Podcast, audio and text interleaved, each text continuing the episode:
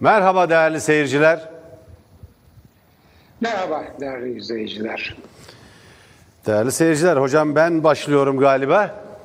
Evet bugün Tamam. sıra sizde. Tamam. Şimdi hocam e, hemen size sözü vereceğim. Ben anlayamadım, çözemedim. E, sizin yardımcı olmanızı rica edeceğim.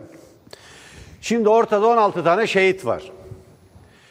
Bir başarı olunca AKP lideri Sayın Erdoğan e, bu başarıyı hemen üstleniyor biliyorsunuz. E, neredeyse esnaf dükkanı açılışı bile yapacak. Bunu üstlenebiliyor. Mesela Türkiye'nin uzay çağını başlattı. Yani İstanbul'dan Ankara'ya bir otobüs gitse Sayın Cumhurbaşkanımızın direktifleriyle gitti diyecekler. Hiçbir bakanın, Değil genel müdür, yani mü- e, bakanın, hiçbir genel müdürün, hiçbir komutanın, hiçbir şube müdürünün, il müdürünün, vali müdürünün Cumhurbaşkanımızın direktifleri olmadan hiçbir şey yapamayacağını anlıyorsunuz. Fakat Gara'da başarısız bir operasyon yapılıyor, bir faciayla sonuçlanıyor. 16 şehit var. Dilimiz alışkın. Hep 13 şehit deniyor. 13 rehin var, rehine var. Buna ilaveten 3 şehit daha var operasyon sırasında kaybedilen. 16 şehit var. Eğer bu operasyon rehineleri kurtarmak için yapılmışsa son derece başarısız. Öyle olduğu anlaşılıyor. Tüm öldü çünkü. İlaveten 3 asker daha şehit oldu. Şimdi e, bütün sorumlu sorumlu bütün devlettir demiş Sayın Erdoğan. Eğer sorumlu bütün devletse Sayın Erdoğan bu devletin neresinde? Bu devletin başında. Bu devleti yönetiyor ve bu devleti yani biliyorsunuz Almanya, Fransa katılıyordu bir de şahsı katılıyordu. Ortada bir şahsım devleti var. Bu devletin başında Sayın Erdoğan. Başarısız olunca bir iş, kötü olunca bir iş, kötü sonuçlanınca bir operasyon, bir etkinlik, sorun çıkınca sorumlu bütün devlet oluyor. Tıpkı Oslo görüşmelerinde olduğu gibi. Biz görüşmüyoruz ama devlet görüşebilir demişti Abdullah Öcalan'la. İmralı görüşmeleri sırasında söylediği gibi. Şimdi herkes İyi Parti, Deva Partisi, Gelecek Partisi, Cumhuriyet Halk Partisi, HDP bu operasyon başarısızsa daha doğrusu başarısız bir operasyon yapıyorsak sorumlusu Erdoğan'dır diyor. Bu sorumlu devlettir ne demek hocam? Ben çözemedim. Eğer sorumlu devletse Erdoğan bu devletin neresinde? Ee, Şimdi ilginç, bana da çok ilginç geldi. Erdoğan, e, hemen şöyle söyleyeyim, e, çünkü o değerli veri ben de bunu düşünüyorum. Erdoğan kendi kurduğu şahsım devleti düzenini içselleştirmemiş. Tekrar ediyorum. Erdoğan kendi kurduğu, kendi 16 Nisan 2017 ne olduğu sonucunun belirsiz olan Ata alanının Üsküdar'ı geçtiği halk oylamasıyla kurduğu düzenin düzeni içselleştirmemiş. Anlamamış demeyeceğim çünkü yani anlamamış olsa e, anlamasa o öyle bir değişiklik yapmazdı. Ayrıca da bugüne kadar e, gerçekten o e, yaptığı şahsım devletinin sahibi olarak davranmazdı. Fakat birdenbire olay bir başarısızlığa dönüşü verince hemen o şahsım devletinden vazgeçti. Şimdi hatırlayalım. Şimdi çok teşekkür ederim. Çok nazik ve zarifsiniz e, bana bu sözü e, vermekle. Estağfurullah hocam. Şimdi esas olarak devlet nedir? Şimdi devlet esas olarak üç ana kurumdan meydana gelir. Yasama, yürütme, yargı. Tamam? Ve hep karıştırılan hükümet ve devlet. Hükümet ve devlet birbirine karıştırılır. Hükümet devlet, devlet hükümet zannedilir. Çok farklı şeylerdir. Çünkü yasama, yürütme ve yargıda hükümet sadece yürütmenin başıdır. Yürütmenin. Yasama ayrı kimliğe, kişiliğe sahiptir ve yürütmeyi kontrol eder. Yargı ise hepsinden bağımsızdır. Hem yasamayı, anayasaya uygunluğunu hem de e, tabii ki yürütmeyi yani hükümeti temsil eder. Şimdi ve Türkiye Cumhuriyeti'ni Mustafa Kemal Atatürk ve arkadaşları böyle kurdular. Bu anlayışa göre kurdular. Bu anlayış parlamenter demokrasi anlayışı ve gerçek demokrasinin e, uygulamasıdır. Buna göre kurulmuş bir Türkiye Cumhuriyeti'ni geldiler, aldılar. E, on, kaç o 2017 demek ki 15 yılda zaten fiilen devlete el koydular. Hükümet her şeye hakim oldu. 2010 referandumuyla yargıyı denetimi aldılar. 2010-12 Eylül'de yatmaz yetmez ama evetçileri unutmayalım. Kendilerine sonradan biz işte kullanışlı aptallarmış, aptallarmışız diye adlarını koydular. 2010'da başlayan yargıya el koyma operasyonuyla o böyle kademe kademe 2015'te Cumhurbaşkanlığı olayı ondan sonra orada bir haksızlık ve anayasaya aykırılık başbakanlıktan istifa etmeden geliş filan derken işte e, en sonunda 2017-16 Nisan referandumuyla devletle hükümet farkı kaldırıldı. Yani o üç o, o, ana güç yasama, yürütme ve yargı güçleri hepsi yürütmenin yani hükümetin başının emrine verildi. Şimdi kendisi ben sorumlu değilim, devlet sorumlu derken birdenbire sizin demin çok iyi işaret ettiğiniz gibi Oslo görüşmeleri sırasındaki devlete işaret ediyor. Şimdi derhal değerli izleyicilerimize hemen bir hatırlatma yapayım. Sözü size iade edeceğim. Güzel oluyor böyle karşılıklı diyalog, Tabii, buyurun monolog Buyurun, yerine. buyurun, buyurun. Ee, 1961 Anayasası bu yasama, yürütme ve yargı e, organlarını tamamen birbirinden ayırmış ve güçlendirmişti. Yasamayı güçlendirmişti senatoyla. Yargıyı güçlendirmişti anayasa mahkemesiyle. Ve bütün yetkileri yani anayasaya uygunluğu yetkilerinin denetimini anayasa mahkemesine vermişti. Zaman içinde Demirel'le başlayan bir biçimde bu yetkiler tekrardan sınırlandı, şu oldu, bu oldu ama 61 Anayasası'nın getirdiği başka devlet kurumları vardı, özel kurumlar vardı. Üniversiteler vardı. TRT vardı. Medya vardı, medya, bağımsız medya vardı. Ve ondan sonra işte Derviş'in geldiği sırada bir e, banka, BDDK kuruldu falan falan. Başka özel kurumlar da vardı. Şimdi o 16 Nisan'dan beri devlet eşit hükümet, eşit parti, eşit Recep Tayyip Erdoğan oldu. Yani bunu bir defa bilelim. Yani bana herkes internette filan da diyorlar ki hocam ya şu hükümet devlet ayrımını bir hatırlat filan. Vardı, idi, kalktı. Bu iktidar onu kaldırdı. Ve maalesef hepimiz onun için çaba sarf ediyoruz. Onun için çaba sarf Bir parti ediyoruz. devletiyle Hepimiz yüz yüzeyiz. Hepimiz evet çok doğru. Hepimiz bu devletin kişi devleti, şahsın devleti, parti devleti olmasına karşıyız. Yeniden yasama, yürütme ve yargının birbirinden ayrı, bağımsız olmaları için çaba sarf ediyoruz. Şimdi başarısız bir operasyon olunca birdenbire bu üçlü ayrıma döndü e, Erdoğan. Sanki e, devlet eşit onun hükümeti, eşit onun partisi, eşit o değilmiş gibi Şimdi- böyle Evet hocam. yani. Ha bir de bunu şeye yargıya taşımış. Hani bir de yani içselleştirmediği oradan belli. Yani hangi yargıcın önüne Evet. gidecekse Allah o yargıcın Oraya da oraya yani. da geleceğiz hocam. Meral Akşener diyor ki sorumluluk almak sıfır. Yani Erdoğan sorumluluk almıyor. Ya ortada 16 şehit var. Rehineleri kurtarmak için bir operasyon yapmışsınız. Fiyaskoyla sonuçlanmış, başarısızlıkla sonuçlanmış. Bu ağır bir ağır bir durumdur. Ağır bir durumdur. 6 yıldır PKK'nın elinde olan ve 6 yıldır sağ olarak PKK'nın elinde olan rehinelerin 11'i kamu görevlisi, asker ve polis cenazelerini alıp getiriyorsunuz. Üstelik onların ailesine ya ne güzel onların yeri cennetlik. Peygamber Efendimizin yanında onun komşusu bunlar diye teselli ediyorsunuz. Geriye dönüyorsunuz.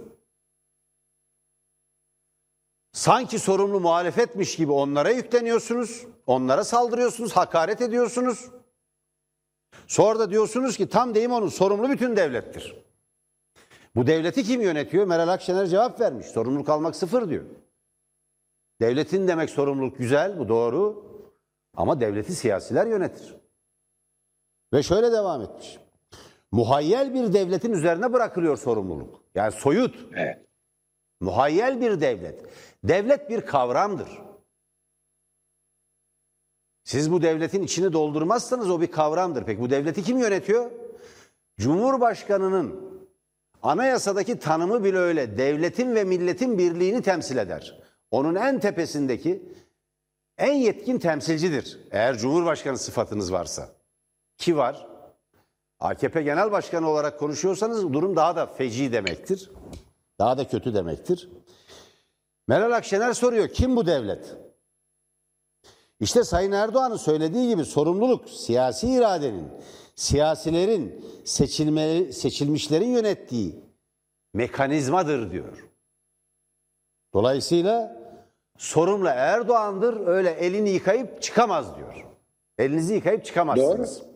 Tam da durum budur değerli seyirciler. Elinizi Doğru. yıkayıp çıkamazsınız. Ortada bir başarısızlık var. Ortada kötü yönetilmiş bir operasyon var. Ortada bir hesapsızlık var. Ortada rehinelerin kurtarılması için başka yol ve yöntemler var iken bunları denemiyorsunuz 6 yıldır. Çünkü sizin askerinizin canı, sizin askerinizin kıymeti bir İsrail askerinden daha düşük olamaz. Yapmak zorundaydınız.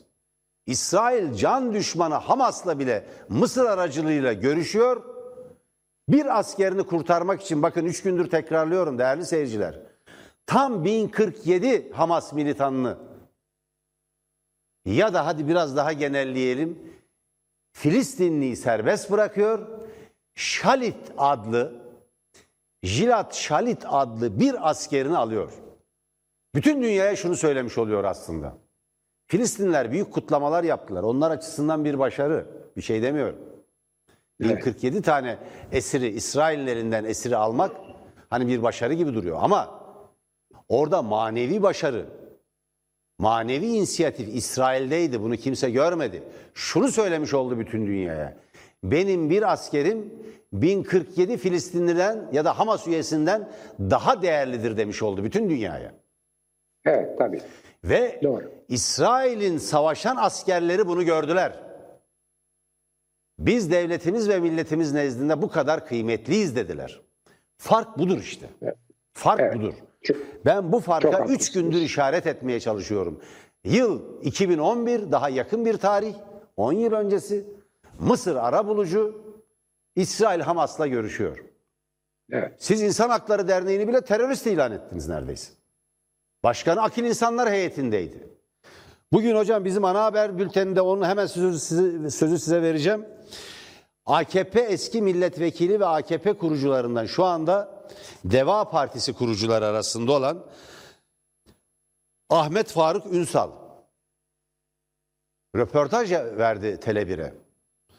Daha önce görüşmeler yaptıklarını ve PKK'nın elindeki bazı rehineleri sağ salim al- alıp getirdiklerini söyledi.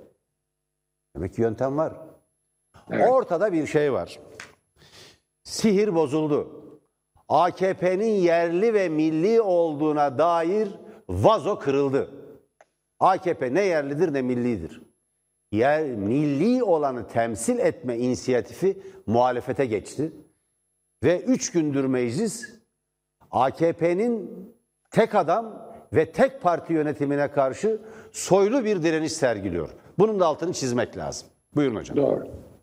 Şimdi e, ben e, bir e, iki nedenle bir e, eski deyimi e, yani Osmanlı'dan bize gelen e, bir deyimi anımsatacağım.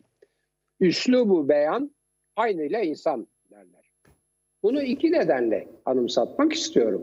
Birincisi e, kullanılan siyasette kullanılan dil neden böyle oldu temeli o oraya geleceğim. Fakat Şimdi bu deminden beri konuştuğumuz sorumlu mudur, değil midir, devlet nedir, şahsım devleti nedir konusunda da bize ipuçları veriyor.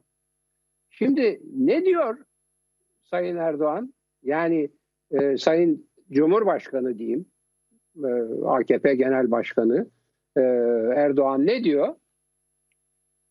Sana diyor Milli Savunma Bakanımı yolladım. Savunma Bakanımı yolladım. Sana diyor İçişleri Bakanımı yolladım diyor. Sen diyor bunlara layık değilmişsin diyor. Şimdi Yollayınca Yani bu- bu- eleştirinin dozunu düşüreceğini zannettiler. evet ama daha da önemli. Yumuşayacağını Burada zannettiler. işaret- Evet, burada işaret etmek istediğim şey onun için dedim ki o 500 bin liralık dava hangi yargıcın önüne gidecekse Allah yardımcısı olsun. Çünkü Erdoğan'ın bu zikrettiğim sözleri sadece bu sözleri yani sana ben Milli Savunma Bakanımı yolladım, İçişleri Bakanımı yolladım sözleri bu devletin başında onun oturduğunu, bu devleti onun dediği gibi şahsın devleti olduğunu ve dolayısıyla öyle devlet yaptı ta yukarıdan aşağı milli savunmaya şuna buna kadar filan gibi bir hiyerarşinin söz konusu olmadığını bunların hepsinin onun şahsına ait onun iyilik zamiri birinci tekil şahıs iyilik zamiri benim senin yani e, bu kalem benim kardeşim bu kalemi ben size veririm. O demek ki Milli Savunma Bakanı da onun benim diyor bakanımı diyor sana yolladım. Aynı şekilde valim diyor genelkurmay başkanım diyor filan.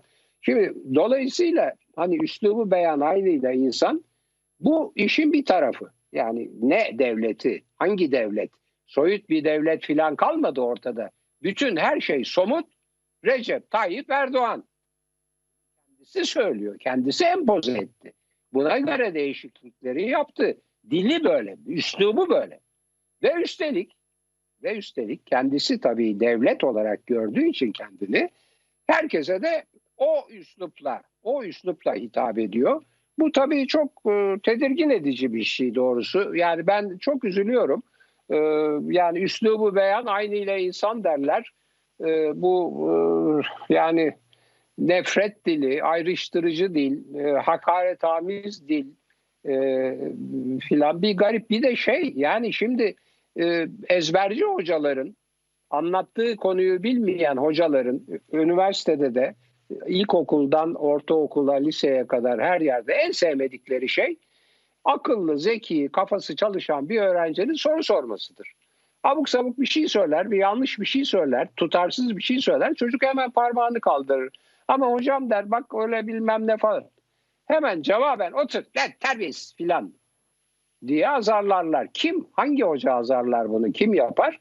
Anlattığı konuyu bilmeyen bir, kendine güvenmeyen iki, yani hem cahil hem korkak hem de saldırgan olan hoca bunu yapar. Yani soru, sorulan soruya hakaretle ve susturularak asıl hakaretle cevap vermek e, olsa olsa insanın kendine olan güvensizliğini ve e, işte o konudaki bilgisizliğini gösterir. O bakımdan ben bu siyasette şimdi son günlerde çok moda olan e, söylemin e, çok rahatsız edici olduğunu ve topluma çok kötü örnek olduğunu, bütün toplumsal ilişkileri yozlaştırdığını düşünüyorum efendim. Çok haklısınız hocam. Şimdi Mustafa Yeneroğlu yine Deva Partisi'nin genel başkan yardımcısı. Net bir şey söylüyor. Madem bu ülkeyi tek adam rejimine dönüştürdünüz, o zaman sorumluluğu üstlenip gereğini yapacaksınız. Olay bu kadar nettir. Yani bence başka bir yoruma gerek yok. Bu konuyla ilgili hocam önemli bir gelişme de Selahattin Demirtaş'ın yaptığı açıklamadır. Bu önemlidir çünkü Selahattin Demirtaş amasız fakatsız bir biçimde PKK'nın elindeki 13 yurttaşımızın katledilmesini kınıyorum. Bunu açıkça ve net bir biçimde kınıyorum diyor. Bunun önemli bir gelişme olduğunu belirtmek lazım. Ee, önemli şu nedenle önemli.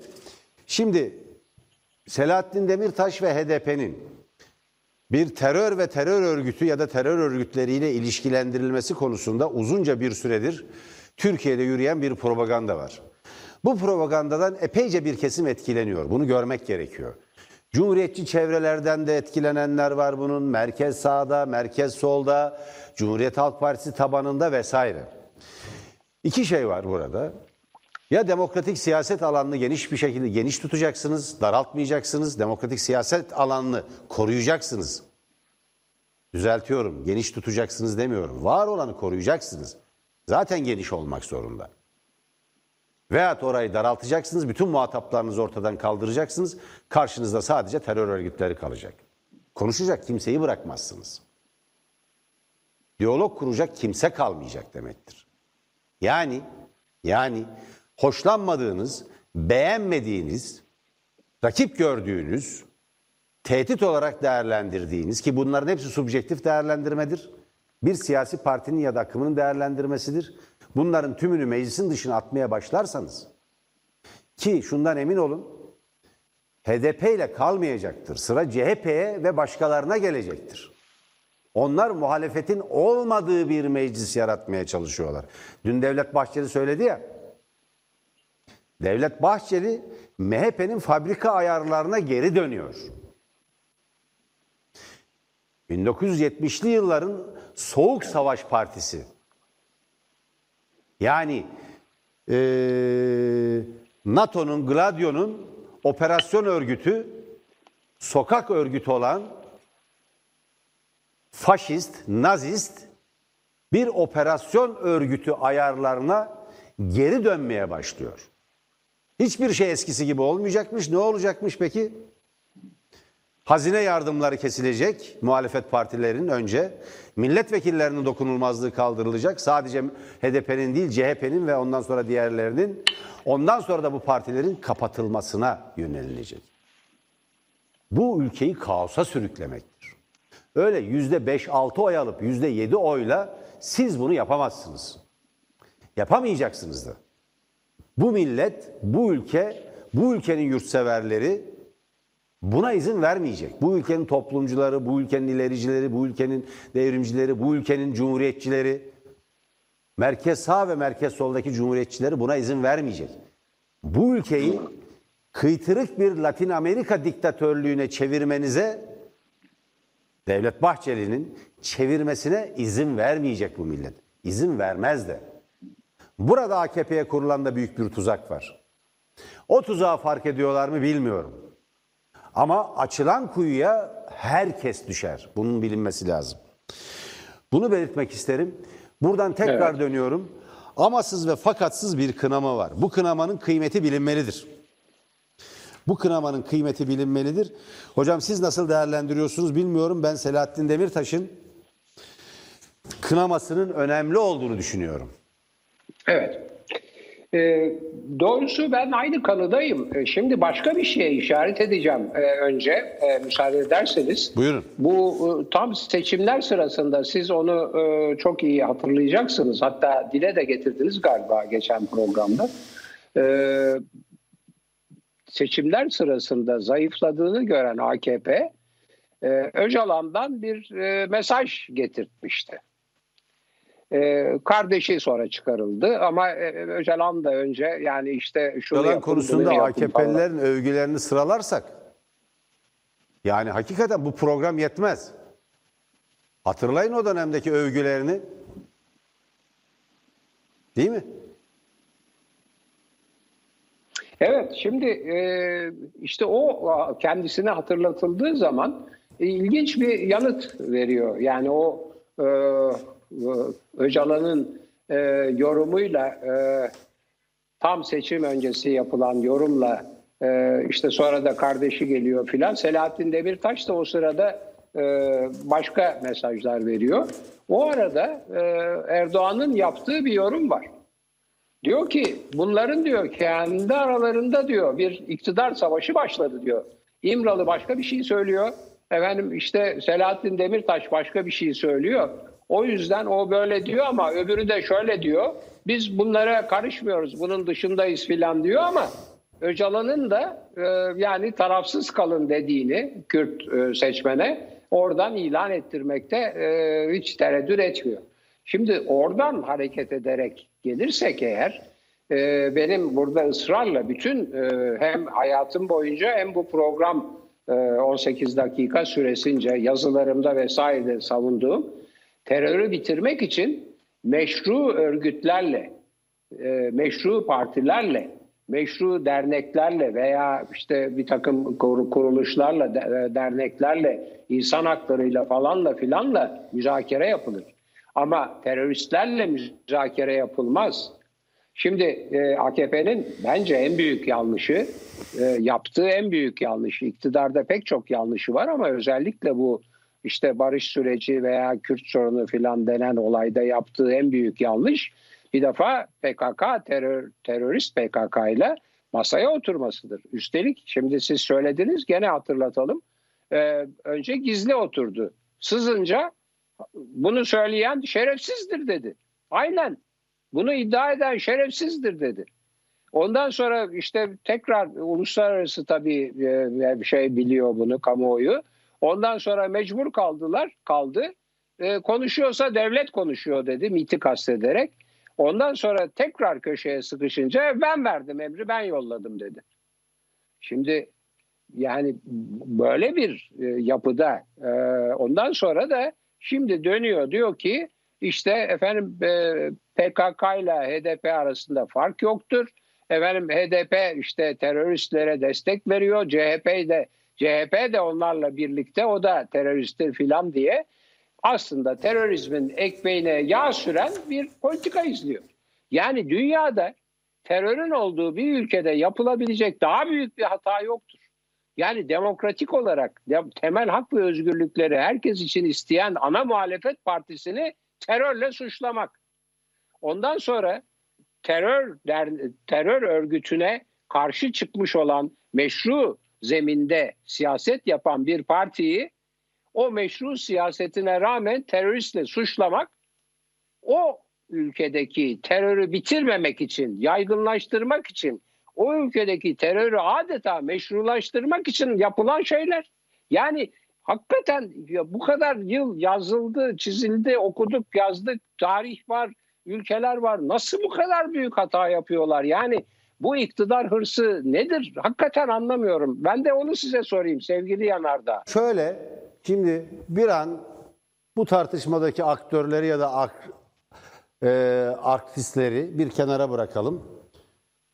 E, ve hani bir tartışma e, yapacaksak eğer bugün egemen siyaset alanında medyada da böyle ideolojik yakınlıkları ya da fikir akrabalıklarından hareketle ideolojik yakınlıklar, felsefi yakınlıklar ya da fikir akrabalıklarından hareketle bazı örgüt ve kişileri, bazı çevreleri ya da grupları, bazı kurum ya da kuruluşları bir ve aynı şey sayma yaklaşımı var.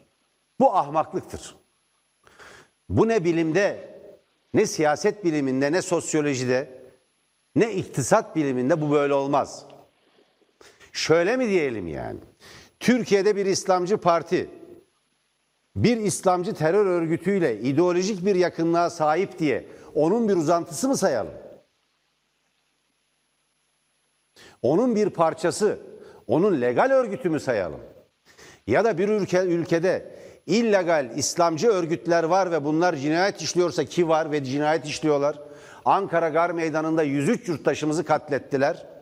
Suikastler düzenlediler, aydınları öldürdüler bu ülkede. Sivas'ta aydınları yaktılar.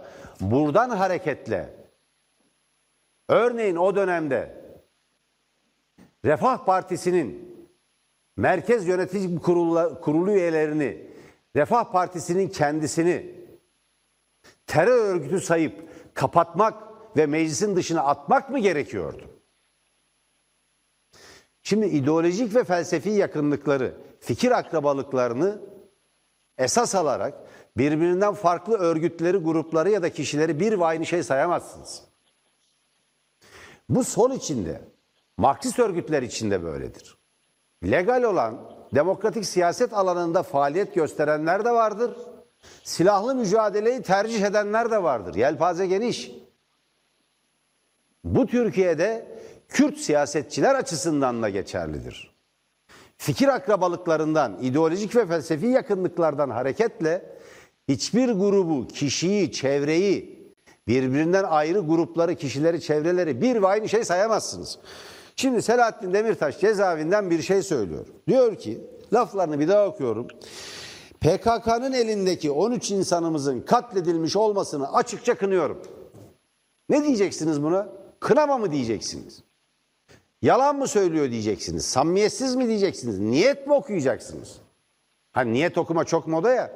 Kınıyor ya. Bunu alıp yanınıza koyacaksınız. Bu geniş bir geniş bir e, demokratik ittifak alanıdır.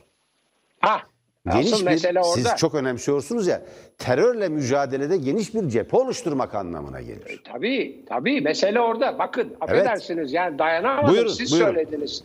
Demokratik ittifak alanı dediniz. Bakın çok önemli bu söylediğiniz şey. Bir şey daha söylüyorsunuz. İdeolojik ve felsefi yakınlık diyorsunuz. Şimdi AKP'nin saldırdığı partiler HDP, CHP ve İyi Parti e, demokratik, felsefi ve siyasal yakınlıktan dolayı bir cephe kurmuş durumdalar. Onun için onlar aynı cephedeler. Yani şu anda muhalefetin kurtarmaya çalıştığı şey rejim. Demin konuştuğumuz şahsım devletini tekrar o yasama, yürütme e, ve yargının ayrı olduğu gerçek devlete dönüştürmeye çalışıyorlar. Bir şahsın bir şahsın o, o, o 2017'de 16 Nisan'da işte böyle atı alıp Üsküdar'a geçerek kurduğu şahsım devletini yeniden yasama, yürütme ve yargı ya üç ayağa dayalı bir devlete dönüştürmeye çalışıyorlar. İktidarla devlet Yani niye yakınlık- birbirine karıştı? E, çünkü el koydu. Evet. koydu. Şahsen İktidara gelenler, demokratik yollardan iktidara gelenler demokrasiyi hiçe sayarak devlete el koydular. Evet. Mesele bu. Evet. Tabii. Söylediğiniz bu. şey o bakımdan önemli. Tabii Yani devletle ve o bakımdan- iktidar aynı şey, bir ve aynı şey haline geldi.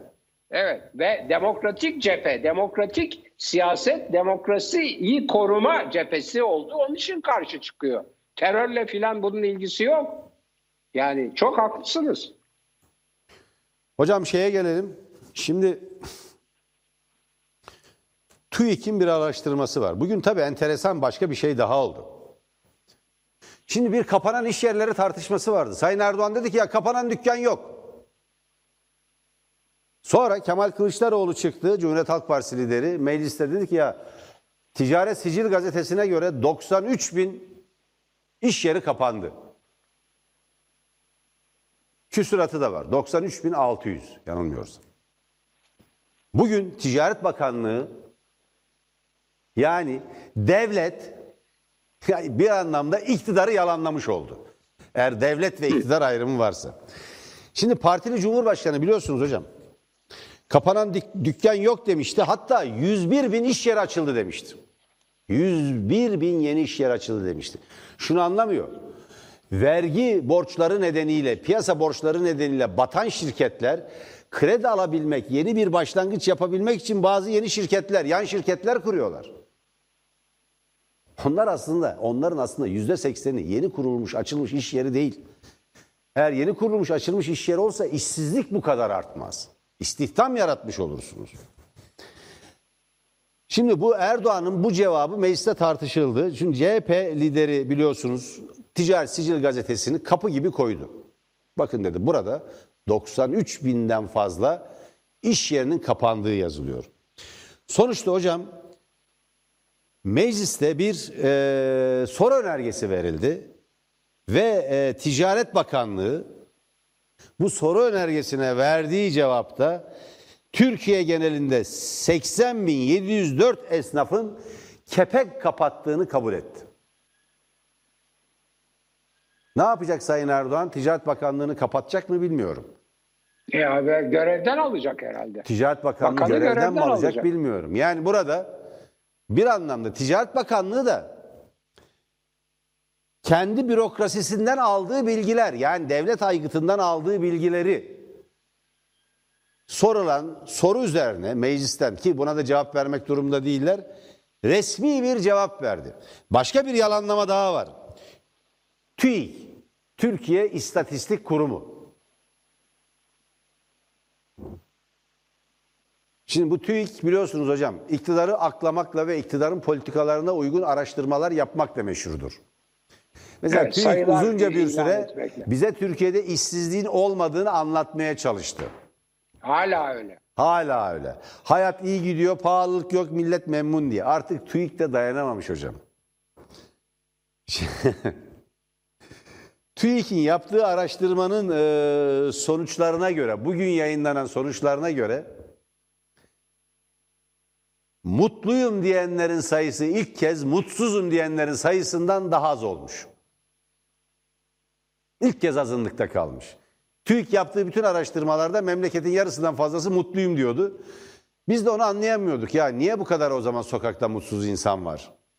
Niye bu kadar kargaşa var? Niye bu kadar ölüm var? Niye bu kadar kavga var? Yolda yürürken, basit trafikte bile insanlar niye bu kadar öfkeli? Bunu anlayamıyorduk.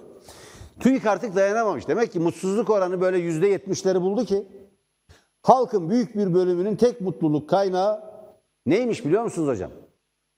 Olacak iş değil. En alt içgüdüdür bu. Sağ salim hayatta kalabilmekmiş. Yaşama içgüdüsü. Yani sağ salim ayakta kalabilmeyi tek mutluluk kaynağı ya beni mutlu edebilen tek şey bu kaldı dediğiniz andan itibaren sizi hayatta mutlu eden başka bir şey kalmamış demektir zaten. Sağ kalmayı mutluluk sayıyorsunuz. Burada enteresan devlet iktidarı yalanlamış oldu. Ne yapacaklar? Doğru. TÜİK'i kapatırlar ya da başkanını görevden alırlar galiba. Ha, şimdi, Veyahut bir şimdi kararname tam- yayınlayar. Bir Cumhurbaşkanlığı kararnamesiyle bunlar Cumhurbaşkanlığına bağlanabilir. Yok zaten yani o şey. Propaganda yani başkanına zaten- bağlayabilirler mesela. Evet. Ha belki evet e, Fahrettin Altun'a bağlayabilir. Şimdi ben hemen bu konuda bir şey söyleyeceğim. Ben de not almıştım çünkü. Şimdi biliyorsunuz çok kısa bir süre önce, birkaç gün önce TÜİK Başkanı değiştirildi. Yani de- Devlet İstatistik Enstitüsü dediğimiz Türkiye İstatistik Kurumu'nun başkanı değiştirildi. Şimdi çok muhtemelen başkanın değiştirilmesinin sebeplerinden biri bu e, bu mutsuzların oranının mutluların oranını aşmış olmasına ilişkin araştırma. Fakat başka bir şey var. Ben de size onu hatırlatayım. E, bu yeni başkan gelir gelmez açıklanan bir başka e, oran daha var. O da tüketici tüketici güven indeksi oranı. Bütün yani bu kapanmalara bilmem şunlara bunlara milletin e, işte e, son kullanma tarihi geçmiş e, malları almak için sıra yapmasına pazarlara gidip çürükleri toplamasına rağmen tüketici güven indeksi artmış efendim. Bunu da yeni başkana herhalde borçluyuz. Kendisini kutluyorum. E, herhalde bu mutsuzluk meselesinde yakında çözecektir. Olmazsa bir kararname çıkarır Cumhurbaşkanı. Mutlu olsun herkesler biter. Evet hocam bizden sonra hemen 21'de Gökhan Kazbek'in sunduğu Türkiye'nin gündemi programı var. Türkiye'nin gündemi programının konukları önemli. Sayın Murat Bakan Milli Savunma Komisyonu üyesi olarak Gara operasyonunda nelerin yaşandığını enine boyuna anlatacak. Ahmet Yavuz Paşa tüm general Gara operasyonunun askeri boyutlarını değerlendirecek ve diğer konuklarda siyasi ve sosyolojik boyutlarını ele alacak. Önemli bir konu. Saat tam 21'de Tele 1'deki programı izlemeyi kaçırmayın. Tele 1'den ayrılmayın diyelim. Hoşçakalın. Hoşçakalın değerli izleyiciler. Yarın görüşmek üzere.